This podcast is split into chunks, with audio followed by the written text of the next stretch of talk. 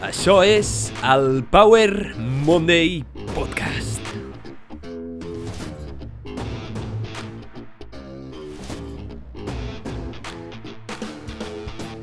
Benvinguts al Power Monday Podcast. Soc en Pau, el teu apassionat de salut, inspiració i ciència, i estic molt agraït de que estiguis escoltant aquest episodi. Fa uns dies, a la feina, de sobte em va venir cinglot. Vaig estar com 30 minuts fent el clàssic soroll graciós i alhora molest. Durant aquesta mitja hora, que se'n va fer eterna, vaig pensar com pot ser que els humans, en el pinacle de l'evolució, el depredador àpex, que domina el món, eh, tingui aquest error en el seu sistema biològic. bueno, potser perquè els humans no som res de l'altre món i al final som animals, però el que sí que va passar és que em va picar la curiositat i em va fer preguntar per què tenim cinglot. Així que he fet una recerca que no només t'ajudarà a entendre per què tenim cinglot, sinó les teràpies més increïbles i estúpides que he trobat i que funcionen de debò. Parlarem de mecanismes biològics, per què tenim el cinglot, de què ens serveix i com el pots tractar.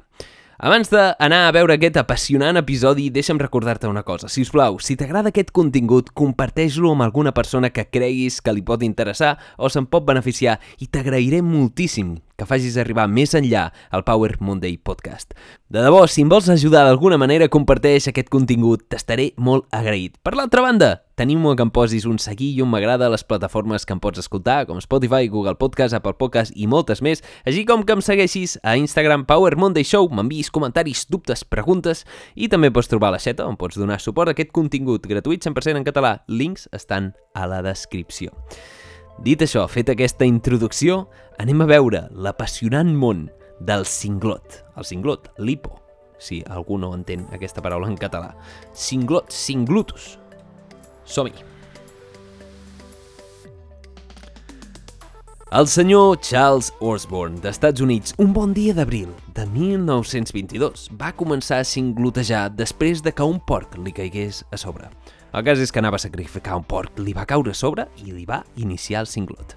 El problema és que aquest cingloteig no es va curar fins 68 anys després i ara està catalogat per al llibre Guinness World Records amb el rècord mundial de longevitat del cinglot. 68 anys amb cinglot.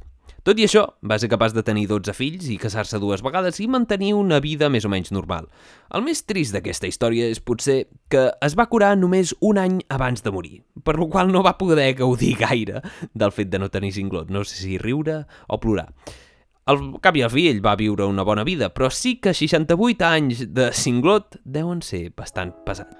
Per l'altra banda, un altre rècord interessant és el d'un adolescent de Florida, la Jennifer Mee, que té el rècord de cinglots més freqüents. Era capaç de tenir cinglot 50 vegades per minut durant més de 4 setmanes l'any 2007. Sí, ho has sentit bé, 50 vegades per minut, que és quasi bé, una vegada per segon. Devia ser bastant pesat estar al seu costat i, sobretot, devia ser bastant pesat estar en la seva pell. El cas és que tothom ha tingut algun cas o altre de cinglot o algú el tindrà tard o d'hora. Mm, potser no tan extrem com aquests dos casos, que són dos Guinness World Records, però la veritat és que el cinglot és força habitual i és bastant molest. I és probable que algun dels teus amics tingui diferents consells sobre com fer-los desaparèixer, com té una tècnica perfecta per solucionar el cinglot. Però la pregunta és, hi ha dades científiques sobre què funciona i què no? I per què la gent té cinglot? Què causa el cinglot? Què diu la science? Què diu la ciència respecte a aquest error, aquest bug que tenim en el nostre sistema? Doncs bé, els metges ens assenyalen que el que sovint inicia una ronda de cinglots, sanglots o cinglutus, digue-li com vulguis, pot ser derivat de moltes coses, pot deure's a molts motius, però principalment es sol deure a un estirament de l'estómac degut a empassar aire, menjar o beure massa de pressa. També es pot associar amb emocions intenses o respostes de riure, plorar, ansietat i excitació. Aquestes emocions o aquests espasmes, a vegades involuntaris, poden iniciar el que coneixem com cinglot. Però anem a veure què passa quan tenim el cinglot. Tot comença amb un espasme involuntari o una contracció sobtada del diafragma, que és aquest gran múscul que tens aquí sota els pulmons en forma de cúpula, que el fem servir per inhalar aire. Això és seguit gairebé immediatament per al tancament sobtat de les cordes vocals i l'obertura entre elles, que s'anomena aquesta membraneta com a glotis, que és el que impedeix que t'entri menjar pel pulmó, que a vegades falla i a vegades has de tossir, allò tan incòmode que t'entra aigua al pulmó. és bastant dur. El moviment del diafragma, aquesta inhalació sobtada, i el tancament també sobtat i reflex de les cordes vocals impedeix que entri l'aire per al conducte de respiratori. Això crea aquest so característic al Bàsicament, el que passa és que intentem respirar molt ràpidament i com a resposta es tanquen molt ràpidament les cordes vocals o es tanca molt ràpidament la glotis. Es tracta, doncs, d'un reflex derivat de l'espasme diafragmàtic que entra en bucle, en el que s'intenta entrar aire molt ràpidament i la glotis es tanca també ràpidament. Es coneix com a arc reflex del cinglot. En els reflexos intervenen els nervis i en aquest cas tenim dos involucrats, dos principals culpables. Bé, no són els culpables, però són els que executen l'acció. És el nervi vaga i el nervi frènic. Queda't amb aquests dos noms perquè són molt importants i els veurem més endavant en les teràpies del cinglot. Els dos nervis formen part de l'arc reflex del cinglot, que és la via que recorre les senyals que pot provocar el cinglot, les senyals nervioses, bàsicament. El nervi frènic es connecta amb el diafragma, mentre que el nervi vaga es connecta amb un munt de coses diferents, inclosos els pulmons i el tracte digestiu. El cas és que existeixen diferents tipus de cinglot. En funció de la durada trobem tres tipus de cinglot. L'agut, que sol durar menys de 48 hores, el persistent, que sol durar més de dos dies, i l'intractable o crònic, que és de més de 30 dies de duració. Aquest és bastant, bastant problemàtic. Normalment, la majoria de cinglots resolen sols, però hi ha algunes condicions mèdiques que poden afectar aquests nervis, el nervi frènic i el nervi vaga, i causar cinglots sever important. Traumatismes, tumors, malalties com el Parkinson, reflux gastroesofàgic poden causar un augment del risc de patir cinglot i poden ser permanents. Sí, poden ser crònics. Pots estar a 68 anys tenint cinglot. Fent... Eh, eh, tota la teva vida, hòstia, que dur. Um, algunes drogues com la qual també poden induir el cinglot.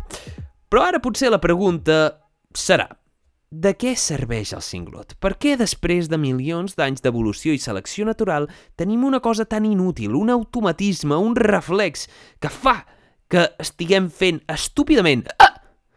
durant una bona estona? Els biòlegs evolutius ens dirien que si encara ho tenim és que potser no era tan inútil o potser es tracta d'una relíquia del nostre passat evolutiu que abans ens va servir per un propòsit molt més important que no pas per semblar estúpids Potser aquestes estructures compleixen alguna funció oculta que encara no s'ha descobert?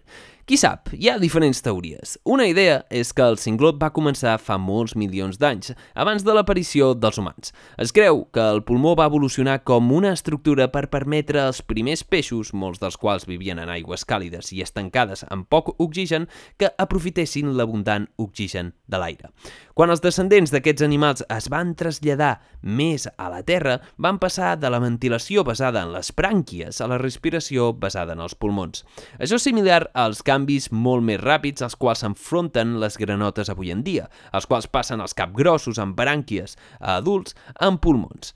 Aquesta hipòtesi suggereix que el cinglot és una relíquia antiga de la transició de l'aigua a la terra, una inhalació que podria moure l'aigua sobre les brànquies seguida d'un tancament ràpid de la glotis, evitant que l'aigua entrés en els pulmons. Això està recolzat per proves que suggereixen que el patró neuronal implicat en la generació d'un cinglot és gairebé idèntic al responsable de la respiració dels amfibis. Per tant, potser el cinglot té una importància evolutiva i ens va servir per fer aquesta transició i encara tenim el record del moment en el que vam passar de l'aigua a la terra.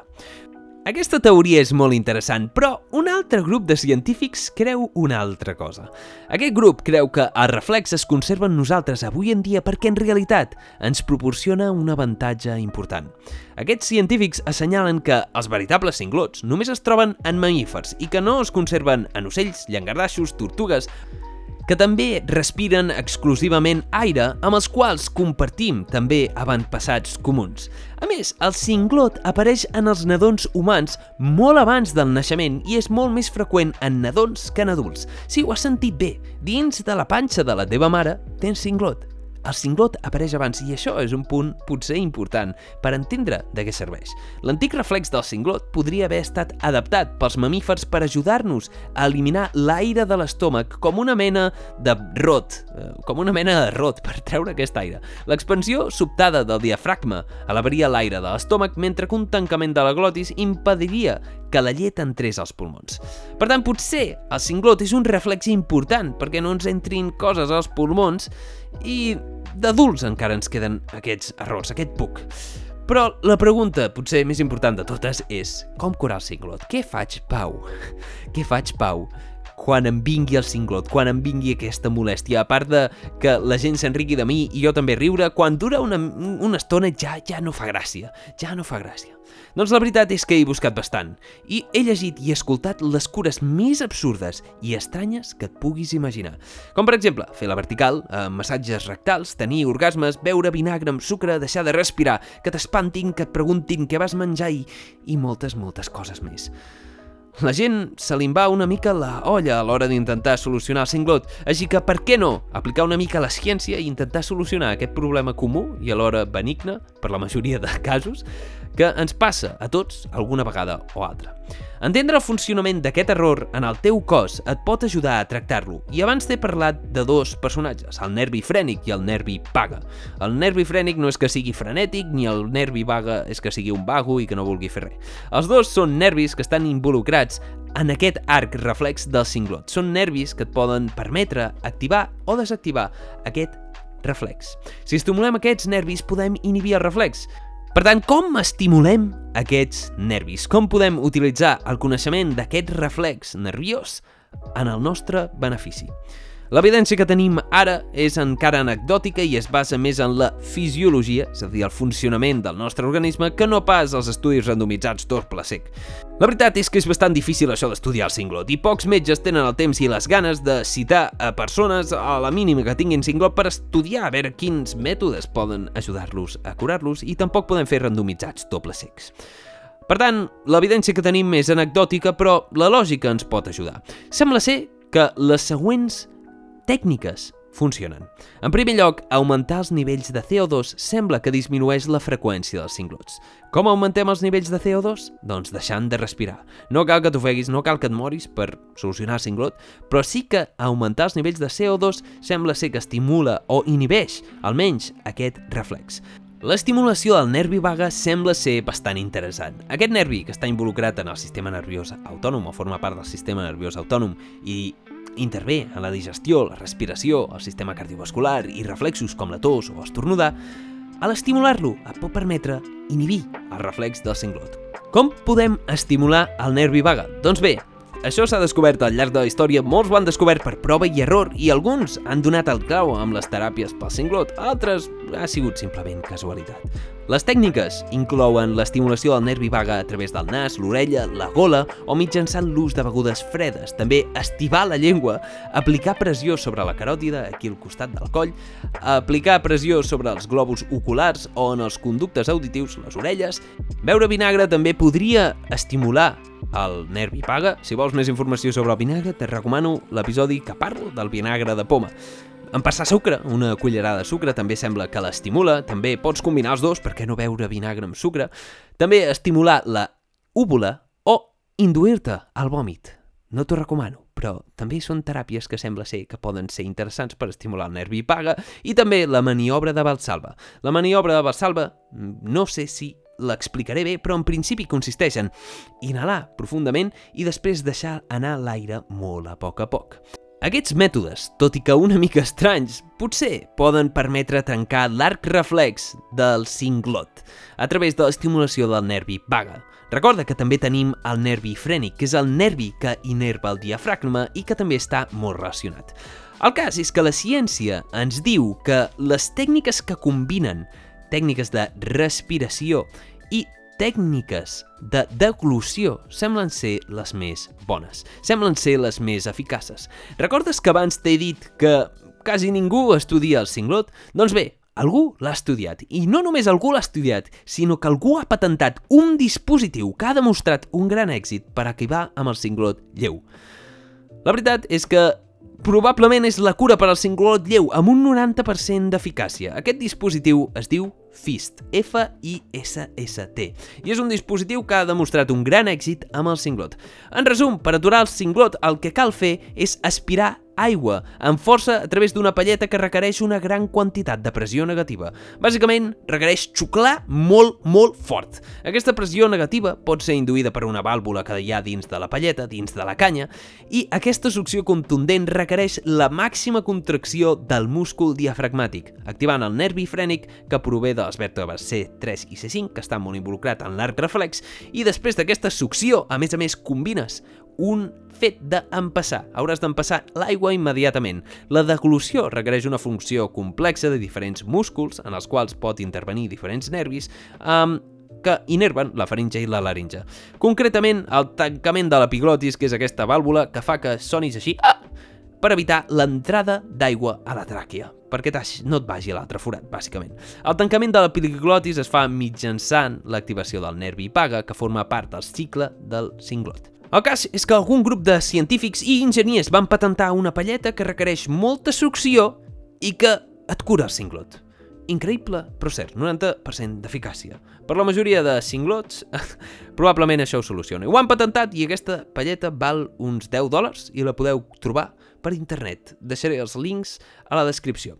Tot i això, no fa falta que et compris res per solucionar el cinglot, tampoc passa tan sovint, i si et passa sovint hi ha altres maneres i et pots fer tu la teva pròpia canya. Una manera és beure un vas sencer d'aigua amb una canya, amb una palleta, i tapar-te les orelles, ajudant així a crear aquesta pressió negativa.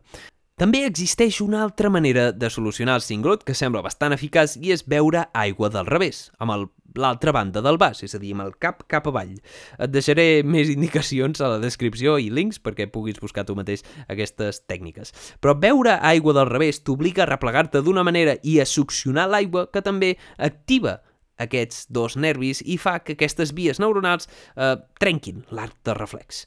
Per últim, hi ha una altra manera. Una altra manera que potser no has de fer la vertical, ni has de tenir relacions sexuals, ni un metge t'ha de ficar el dit pel cul, que sembla ser que és bastant efectiu. Um, I va solucionar el problema d'un senyor que feia dies que tenia cinglot. Um, no sé si s'ha d'arribar fins a aquests extrems, però bé, si no ho pots aguantar més, doncs que et fiquin el dit pel cul, si això et soluciona el cinglot.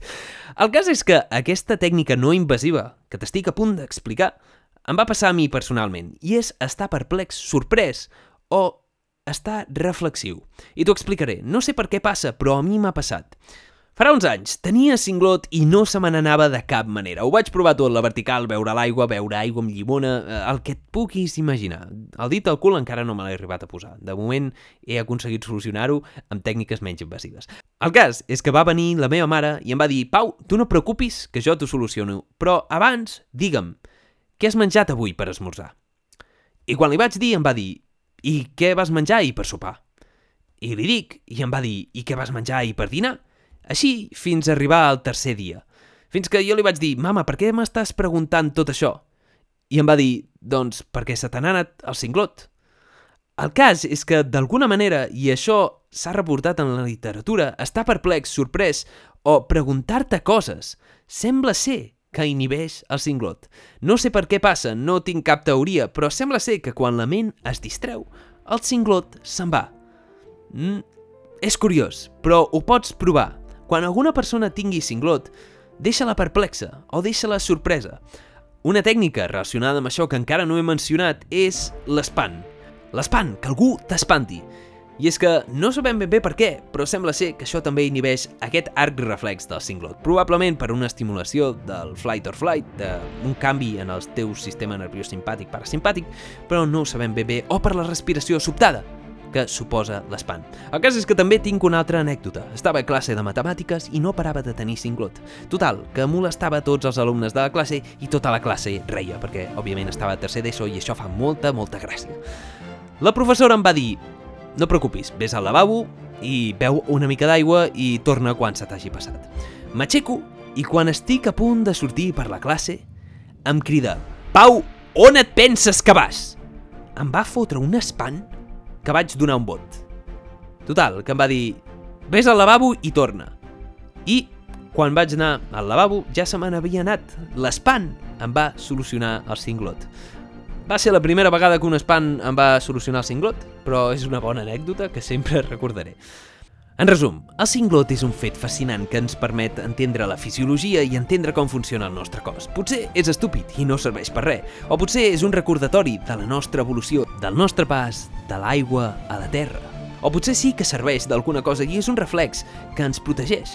Al cap i a la fi, per què mantindríem això dins del cos? Tot segueix sent un misteri. El que està clar és que probablement tinguis cinglot al llarg de la teva vida i quan vulguis fer-lo desaparèixer, és important recordar el nervi frènic, el nervi vaga i algunes de les tècniques que t'he mencionat. Fer servir aigua, aire o augmentar la concentració de CO2 en, el teu sang, en la teva sang pot permetre't desfer-te del cinglot més ràpidament i que la gent no se'n rigui de tu tanta estona. Està bé, és divertit, és curiós, però no volem que estigui per sempre. Et desitjo sobretot que no tinguis cinglot, crònic, cinglot que no es pugui curar, que es derivi d'altres problemes de salut. I si tens cinglot que dura més de 48 hores, si us plau, vés al metge, perquè t'analitzin i mirin que no hi hagi una causa latent. La majoria de cinglots no són problemàtics, però si un cinglot et dura més de 48 hores, si us plau, vés al metge. Per acabar aquest episodi tinc una pregunta per tu. Quines cures has provat tu pel cinglot? Quines t'han funcionat, quines no t'han funcionat i quines cures t'han suggerit els teus amics que provessis. M'ho pots enviar als comentaris a Power Monday Show a Instagram. Anem a veure quines cures utilitza la gent per tractar el cinglot. Et deixo tots els enllaços a la descripció d'aquest episodi, així com el FIST, aquest instrument que van inventar els científics que sembla ser que cura el 90% dels cinglots. I això és tot per aquest episodi. Ho havia de fer. Ei, moltíssimes gràcies per haver escoltat aquest episodi. Espero que t'hagi agradat molt o t'hagi aportat una mica de valor. Recorda, si us plau, si t'ha agradat aquest episodi, comparteix-lo amb alguna persona que creguis que el pot inspirar, li pot interessar o se'n pot beneficiar d'alguna manera i m'ajudaràs moltíssim i t'agrairé moltíssim que facis arribar més enllà la paraula del Power Monday Podcast. Et recordo que em posis seguir i m'agrada a les plataformes que em pots trobar de Spotify, Apple Podcast, Google Podcast i molt més. Em pots trobar també a Instagram Power Monday Show on em pots enviar missatges i a la xeta, una web de micromecenatge de contingut en català on pots donar suport a aquest contingut. El cinglot, un fet fascinant i alhora curiós, un misteri que la gent fa estupideses per intentar tractar, però que és benigne, un fet dels que podem aprendre i alhora podem riure. Espero que t'hagi agradat aquest episodi. Et recordo, si ningú t'ho ha dit encara, que ets únic, especial i repetible, ets estimat i ara és un bon moment per prendre acció, així que vés i pren acció en allò que saps que fa temps que has de prendre acció. Et desitjo, com sempre, una setmana èpica, plena de creixement personal, lliure de cinglots i que t'ho passis molt i molt bé. Ens veurem, com sempre, en el pròxim episodi. Ciao! Em sobra una mica de temps, així que explicaré un acudit molt ràpid. Entra un home corrents a l'hospital molt preocupat, i diu, si us plau, infermera, doni'm una cura per al cinglot, ja no puc més. La infermera, agafant un vas d'aigua, li tira l'aigua a la cara. Psh! I l'home crida, per què coi m'acabes de tirar aigua a la cara? La infermera, ben segura, li diu, ja no tens cinglot, oi? A lo que l'home li respon, no. La que té cinglot és la meva dona que està dins del cotxe i no em deixa dormir. Així que ja saps, no, no vagis tirant vasos d'aigua a la gent. Bona setmana.